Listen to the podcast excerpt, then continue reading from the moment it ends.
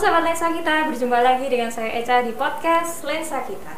Di episode kali ini sudah ada ke yang kayaknya ini baru, baru pertama kali lihat atau apa ada yang berubah dengan bintang tamu kita. Kenapa ini kok bukan jemaat eh, GKMI Solo lagi? Karena di episode kali ini kita kedatangan tamu spesial, special guest. Eh, ada dua bapak ini. Siapakah mereka? Mungkin eh, sahabat lensa kita yang datang di ibadah atau ikut online streaming di ibadah minggu lalu sudah mengerti siapa mereka ini. Tapi yang belum mengenal, nanti kita akan kenalan dan kita akan berbincang-bincang tentang topik yang sama di bulan ini yaitu tentang bulan misi dan di episode kali ini kita akan berbicara tentang perdamaian. So, karena ini bule-bule mereka tidak mengerti apa yang saya ucapkan. Sahabat lensa kita bisa lihat mereka bingung melihat saya apa yang saya ucapkan.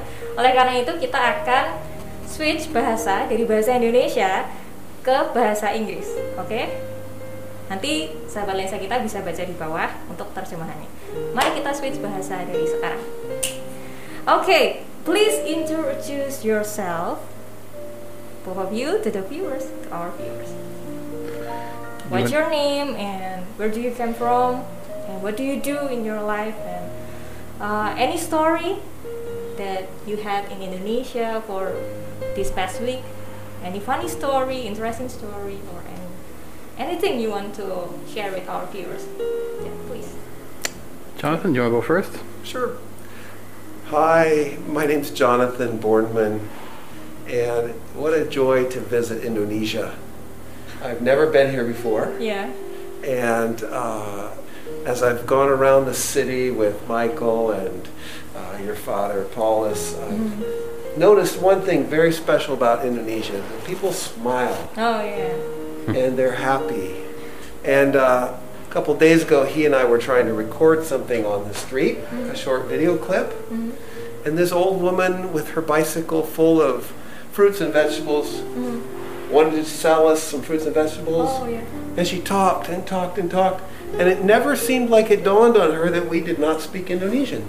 She just kept talking and smiling and was so happy. Yeah, yeah. And we kept smiling back and, you know, couldn't say anything, but we smiled. yeah. I am. Uh, I'm a disciple of Jesus and a person like you participating in God's kingdom in the world. Mm-hmm. I work as a missionary at Eastern Mennonite Missions, mm-hmm. and I lead a team of persons devoted to Christian Muslim relations. Mm-hmm. So, our mission is to equip Christ followers for a life giving relationship with their Muslim neighbor through dialogue, witness, peacemaking, and hospitality. We do that at home in the United States, and we do that uh, in many places around the world where we have partners and friends working on those kinds of things. So, I'm Michael Hostetler. Um, it's a delight to be here. Like Jonathan, I've been very impressed with how friendly people have been with us, even people that we've never met before on the street, and even people here at church. You know, it's been uh, wonderful to be able to connect with our sisters and brothers here in Solo. An interesting story for me was that uh, each morning, Jonathan and I get up early in the morning and uh, we go out for a walk. And I just would love, I told Jonathan, we need to get um, Becca to come with us. Because I don't like to just walk up and take a picture of somebody. If they understand why I'm taking a picture, then, then I can do it. And having somebody who can speak uh, to help me explain that is important. But this morning, as we were walking, we saw a man sitting by a cage, and I couldn't resist. I had to take a picture. So I took my cell phone, pointed and, and pointed at him, and he said, "Yeah, it's okay." He was feeding his monkey, and uh, we don't get to see monkeys very often. And so this morning it was kind of special to see uh, him him caring for his uh, monkey, It's Pat. his pet. Exactly. You know, I, I have worked with uh, photography for many years. Um, I freelanced and I worked with photojournalism for about 20 years, maybe, before we went to Israel for a number of years And uh, uh, gradually, uh, I got into filmmaking. And for me, it's all about story. So people often ask me, what kind of camera should I get? And, and I say, it's not the camera, it's the eye. It's what you see. And the camera is simply a, a tool to help you capture what you see and to share that with other people. Most of my work has been church related. I've uh, told stories of people all over the world Latin America, uh, Europe, Asia, Africa. And I, I, think it's really important in order to uh, connect with our, our uh, faith family and to be inspired by the stories that are out there. And so it, uh, the stories have been all kinds of stories of God's people at work. That's, that's what we're doing. So we are still in our mission month. In this episode, we will talk about other missions. And we know that uh, to this day, fighting for and maintaining peace is still a challenge yeah, for us. And this is one of our common missions as agent of peace in the world. So, talking about the word peace, what is your opinion on this phrase? We live in a really violent world. There are wars going on right now in multiple places, and as an American, I'm really sad about the recent school shooting and then just the week before, shooting at a grocery store. It was uh, a racially motivated shooting. So I think when I look at the whole world, I think, wow, there's a lot of violence. But then if I look again, I see so many people that are working to make their neighborhood peaceful, um, to, to bring peace to their country uh, or in their family. So I see that both are very much with us. There are peacemakers, and there's a tremendous amount of violence. I, I think of the uh, huge need for stories that deal with peace. Mm-hmm. Um, I think sometimes we, we lack the imagination as to what we can do, even. Mm-hmm. The, the issue seems so big and we i think it's easy to get paralyzed mm. you know what can i do it's, i'm just a little somebody and you know what difference can i make anyhow mm. but i think we can make a, a, big difference right where we are mm. How we relate with each other. And i think the way um, i see what jesus taught is that uh, peacemaking is at the heart of what uh, we are called to be. So, as, as followers of Jesus, I think it's central for us to be in right relationship with Jesus, first of all, as our uh, Lord and Savior, as, as uh, a, a people committed to following the way of Jesus. Um, but I think that uh, as we relate then to our communities, anything that we can do that helps foster uh, good relationships will contribute to the way of peace. Um, and I think sometimes uh, it's it's hard for we can talk more about this later, but it's hard for people to imagine uh, that that there can be an alternative. In other words, the world thinking mm-hmm. is that um, if there is violence, we need somehow more violence to stay on top of it. Yeah, yeah. But it never works that way. Mm-hmm because more violence means more people are hurt, more people are angry, and where's the peace? Mm-hmm. I think we have a, a, special gift that helps us to uh, live. It gives us tools to know uh, how to live. Mm-hmm. That uh, then can make a difference for our communities. I, I think that uh, world peace uh, maybe is is not a good starting point. I think we need to say, okay, what does it mean for peace to happen within my community?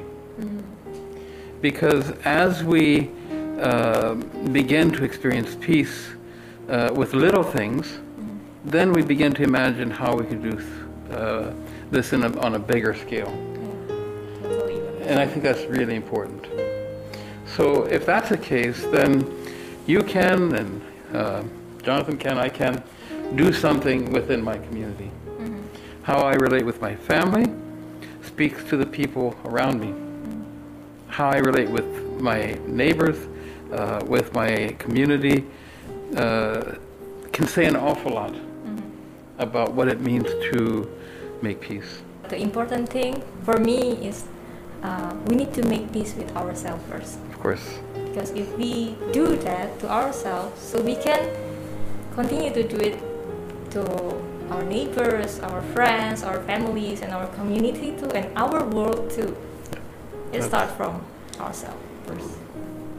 The good news is that if we do our part, God will do God's part. Yeah, You know, uh, we're only asked to do what we can, no more. yeah, but we can, and God will do the rest. That's that's right. So, uh, how is the practical thing to create peace in your country? Since we are different here, maybe in Indonesia we do this, and in the state we do this. I'm working hard at relating to the people on my block in my part of the city where I live. So uh, there's about nine houses side by side. And my wife and I are trying to learn to know the names of all the people that live in those houses. And um, to spend time visiting with them. It sounds like a really small thing, it actually takes effort. It's, it would be so easy to just come home, park my car, walk in the house, and not talk to my neighbors. But Carol and I uh, try several times a week to sit out on the porch or take a walk slowly up the street and chat with our neighbors and say, How's it going? What happened this week? And how's your daughter? Oh my, she's growing up so much taller. I actually think that's the heart of peacemaking. If you know your neighbor's name and then something bad happens, you can go and help them. Or if you're having trouble, they will come help you. Um, we had a shooting on our street just, what, uh, two months ago. And one of the people that witnessed that shooting was a young refugee boy from Syria. He was standing on his porch, and some American teenagers got angry, and one pulled out a gun and started shooting. And this boy stood on his porch and watched it all happen. I know his father, and I know the boys. And so I spent time on two occasions now talking with them and asking them how they're doing. They're fine. But uh, just to emphasize how much that violence can come right next to your own home and how important it is to know your neighbors and talk with them. Knowing and being known is part of of peacemaking because it's part of how we we reveal God's love for our neighbor by actually loving them ourselves. You mentioned that um, uh, it's really important to make peace with ourselves. And that makes me think of a story in my life about uh, uh, how one time my mother said to me, Michael, can't you uh, not complain so much? and I thought, I was maybe 12, something like that, 13. and it was about then that I read from Philippians 4, where Paul says, I have learned to be content no matter what the situation. And I, I I remember thinking so clearly, this is how I want to be. I want to uh, learn how to be content with uh, what I'm given and, and what I have. And I think that's part of uh, being at peace as well. Uh, if we're always complaining, always wanting this or that, that doesn't feel very peaceful to me. Yeah. Um, and so over over the years, then uh, that is something that I've worked at on a personal level. uh, I think sometimes it's a bit annoying to people because they say, "Can't you complain a little bit?" and so, um, I prefer to uh, be that way than the other way around. Somebody who's always complaining. I think we have so much to be thankful for if we look at it, even if our situation's difficult. You know, I've traveled all over the world and I've talked to many, many people. And I'm always impressed with how people have uh, been able to be grateful for what they have, as opposed to if only I had more. You know, uh, so I think that's one one quality that I think uh, if if we are grateful for how um, we in our faith community can support each other, uh, that's part of being at peace. And it's part of living a life that will speak to those around us, you see. I live in the city of Lancaster, Pennsylvania, not far from Philadelphia. And our city has received a large number of refugees from Afghanistan, Iraq, Syria, the Congo, uh, and, and quite a few other places. In fact, so many that uh, the BBC recognized our city as the city in the United States with the highest number of refugees per capita. And so there's a need to help these persons settle in our community in a good way. And we have a problem in our community. There's a lot of people that are afraid of new immigrants, and especially afraid of someone with a different religion. Uh, many of the refugees that come are from Muslim countries. And so the work that our team focuses on is to help churches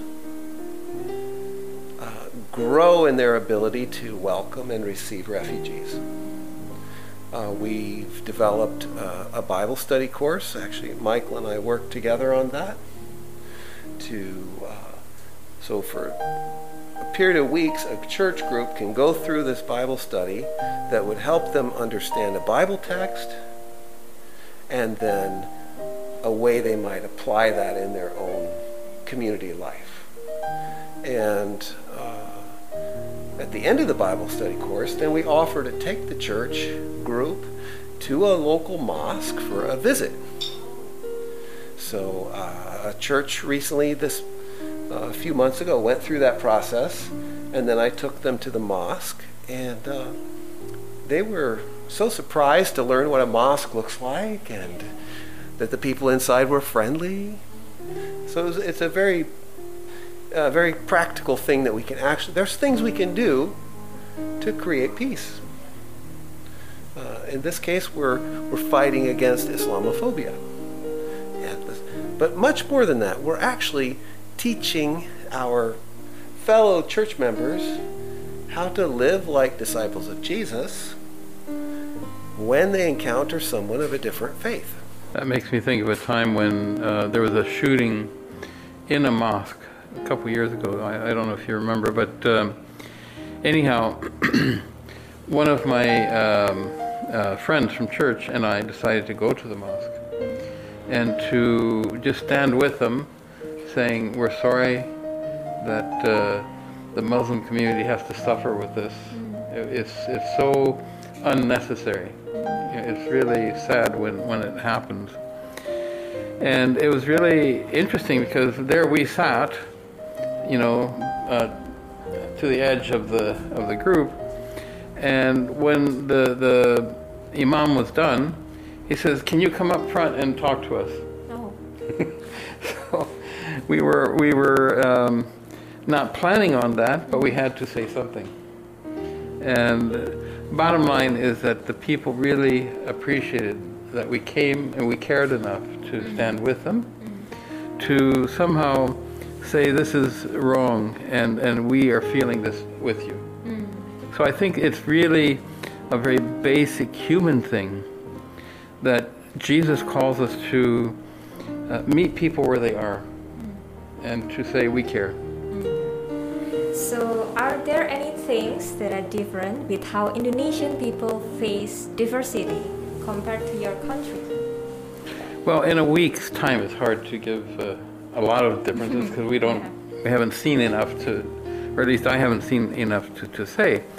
But um, in the past year, I've worked with a, a production called Transmission, and I saw very clearly uh, some ways that the church here has much to teach us. Uh, from the Indonesian perspective, that can be helpful to our church in in uh, um, Canada, where, where I live. Um, one of the people that uh, uh, we we worked with was Hani, and Hani went to Tempur. Uh, it's a small village up in the mountains in the region of Jepara, I think it is. Yeah, in Jepara. Yeah, and so she said some things that I thought were very profound. It's very simple on the one hand, but very profound. Uh, she talked about her experience in the village. I think it was her first time there too, but she went because there's a Mennonite church and a mosque. Um, but some of the things that she uh, experienced, I thought, were very revealing and very helpful to me personally. And then as I talk to people, I can share that.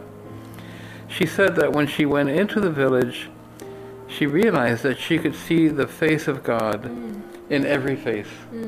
She said it didn't matter if they were Muslim, Christian, uh, these were um, beings that God created.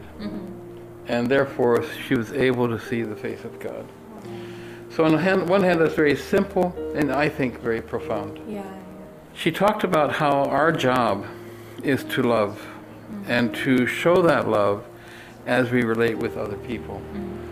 So she combined seeing the face of God with the additional uh, mandate, our calling, to to um, express love with each other. The other thing that she mentioned, where or experienced, was that in that city there was a mosque and there was a, a um, church. And the interesting thing about it is that the church went through a major uh, renovation of the building. And the, the Muslims found money and also support uh, with the construction. So the Muslims helped build that church. fantastic. And the uh, mosque also went through renovation, and the church provided workers to help build the mosque. That's pretty amazing, I think. Helping each other. Yes. Even though we're so different, we have many things that, uh, uh, you know, we feel are important, but connecting with people where their needs were Yeah. was a lesson for me. One last thing I would say um, Adi um, was the other person that, that we worked with. And I said, what, What's it like to relate with uh, Muslims when you're such a minority and there's so many more Muslims?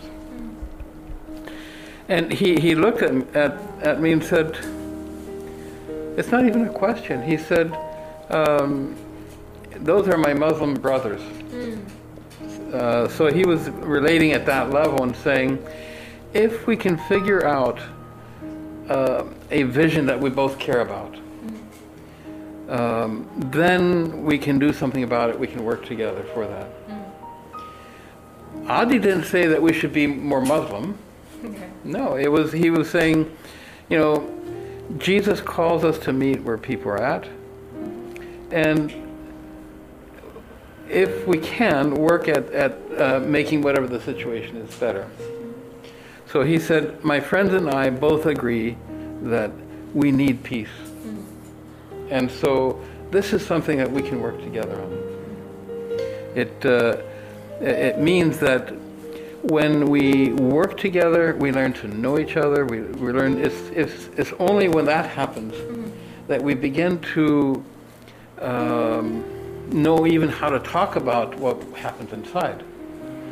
If I have a friendship and I can work with that person, then what I say matters and what they say matters. But we, we have the opportunity then to say, Jesus has this impact in my life. And it's because of my call to love, it's my call to uh, serve, whatever it is, the situation. Uh, it makes it possible for those uh, that I'm relating with to see God's love at work. If we go and preach and say, you know, uh, you know, people just Yeah. push back. They might be polite if you're lucky, uh, but uh, they say, "Oh, that's nice," and they walk away, and that's that. Yeah. Yeah. But if we want to make a difference, uh, I think it's about relationships. What we were saying earlier, and and so in in my experience, these are, are several examples of how profound what the Indonesian church has to offer is. You see what I mean? So, I think it's it's the the my experience with the Indonesian church is one of um, immense excitement because I think I've seen and I've also shared with those around me. Well, Indonesia, they do this, and and so I've been able to be specific about uh, some things that I've learned from the church here in Indonesia. You know, I don't hardly know anything about Indonesia. I'm a new visitor here, but I'm struck by how many similarities there are between Indonesia and the United States. Now, they're both large countries, big population. Uh, both countries seem to love technology and uh, digital life, and um, uh, both countries have many different religions and different languages. So I'm I'm find myself sitting here thinking that uh, as disciples of Jesus in the United States or Indonesia, we find ourselves uh, part of a minority community that is learning how to relate to a large pluralistic world with goals and purposes that are uh, often very different than what Jesus calls the church to. And so I think that's a real challenge for us is to uh, be in touch with our community and our the culture that's around us and figure out what it means to be a a disciple of Jesus with a meaningful interaction with my community. So I think that would be something that we share. Mennonite Church Solo and my Mennonite Church, Mount Joy Mennonite Church in Pennsylvania. We're both trying to figure out how do we have a relevant witness in the place we live.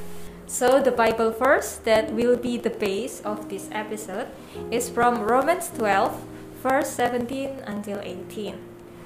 Do not repay anyone evil for evil. Be careful to do what is right in the eyes of everyone. If it is possible, as far as it depends on you, live at peace with everyone. So, how would each of you uh, respond to this first? That's really hard to do. I I want to do that, but sometimes things happen where I get upset or or uh, don't like what somebody else did. Sometimes my neighbors are not so nice. Uh, we've had a, a number of occasions where our neighbors were shouting and fighting and very violent sounds coming from our next door neighbor's house. And my wife and I are thinking, what do we do? And how are we supposed to relate to these people? Do you, should I go say something or uh, what should I do? Um, so these are really good words to reflect on. What can I do that will allow me to live at peace with everyone on my street? And um, I, I find that challenging, but also very joyful because um, as I as we've focused on learning to know our neighbors' names and our their activities, um, we've really grown in relationship, and so there, I have a sense of peace when I walk down my street because they know me and I know them, so that's how I'm trying to work at it. You know, I think that uh, in, in looking at the big picture, when Russia uh, invaded um, um, Ukraine, I remember uh, how quickly people took sides. You know, one person that I talked to said, the Russians were backed into a corner. Um, and so he said, he understands. He said, if China were to move to the Mexican border, um, that U.S. would feel very threatened and they would come out fighting. And um, this person that I was talking to said, that's how Russia feels because uh, the NATO and the uh, U.S. are on the border of Russia. And so they're making Russia feel very threatened. But the thing that comes to my mind, and it, it connects to this uh, verse, scripture, is that uh, in the end, one wrong doesn't justify the other. One evil doesn't mean that you can be evil to the other again. You know, the, the person I was talking to said, look at what the U.S. did in Iraq. People suffered, children died. It was so awful. So they cannot uh, say, well, with Iraq we need to, you know, protect. Um, so that's one way that uh, I think about that, that, situation, that, that somehow uh, we are not justified in saying we're going to use more force mm. to stop Russia in this situation. Mm. In the end, um, you make more enemies. Yeah. You only make things become more complicated, more difficult. Um, I, am not trying to say I have solutions for that, that situation. It's very, very complicated. But I, I think that uh, on a very personal level, uh, as I look at uh, my relationships in, in my community, um, I, I, think it's really uh, not productive to to say you did such an awful thing. I'm going to do something awful to you too. It just doesn't help. I'm thinking of we we recorded another documentary earlier this year, and we interviewed a couple. Uh, and the, the this couple had had a terrible family conflict. The in, the husband's inheritance was taken away by his angry brother, and then they had 17 years of conflict between them, something like that. Um, and as they told their story, I realized that sometimes for making peace, doing everything that you can to live at peace with your neighbor is actually costly. So they eventually said, We give up our rights, we give it away. In a sense, they turned the other cheek and they let the other person win. Later, God blessed them with uh, another property, and even better, with reconciliation with their family. But as they told their story, I learned the thing I learned from them is that this way of living, being at peace with everyone, can sometimes be really costly for for the person who chooses that way of life. The other, I think, learning that can come from that is that in the end, uh, what they have is even better than what could have been. You know, they, they uh, have started a ministry which they call House of Light. And over the years, they've been able to help women who, who uh, have abusive husbands and children who have needs. Uh, they've done prison ministry. And it seems as though God has uh, blessed them way beyond if they had said, I'm going to stay here and I'm going to, you know, they were able to break out of the, the um, uh, bitterness that, that, they felt. You know, the husband said, or the, actually his wife said, he would scream in his uh, dreams. You know, she'd wake up and there he was screaming uh, because of his deep anger. He said, I hated my brother. And so she said, you, you have to overcome that and ask for forgiveness even for feeling bitterness towards her brother. Do you know how hard that is? Yeah. You know, I think we all have families, we all have uh, people that matter to us. You know, I think when we have pain, when we have bitterness, uh, one way of uh, finding healing is to, in this case where uh, Jonathan was talking about family, is to even ask for forgiveness. Which is very hard because you say, well, I'm entitled to be bitter. Look at what my brother did. Yeah. But I think in the end, if we live in bitterness, we are hurting ourselves.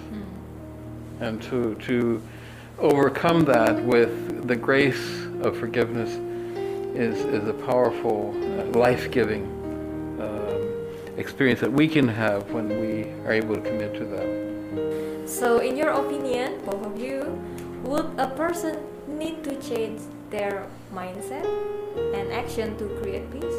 Or just came like boom, peace?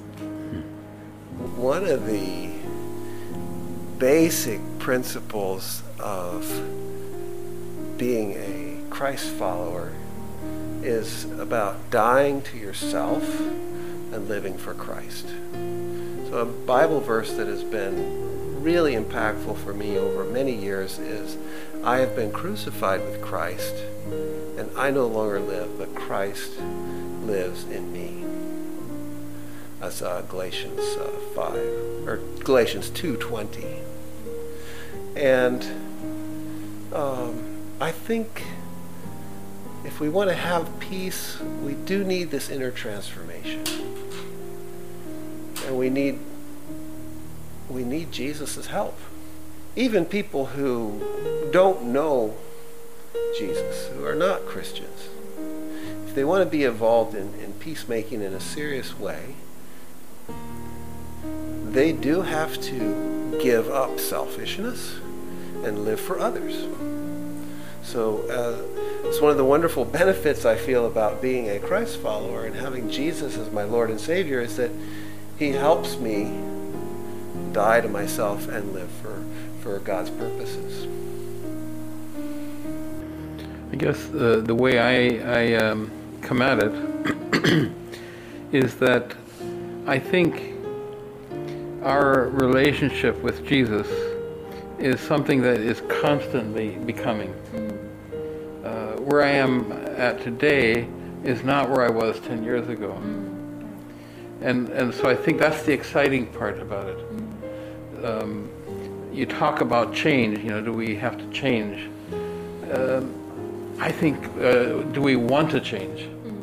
Because I think the, the process of uh, becoming like Jesus, which is our calling that Jonathan just uh, uh, talked about, is a joyful thing.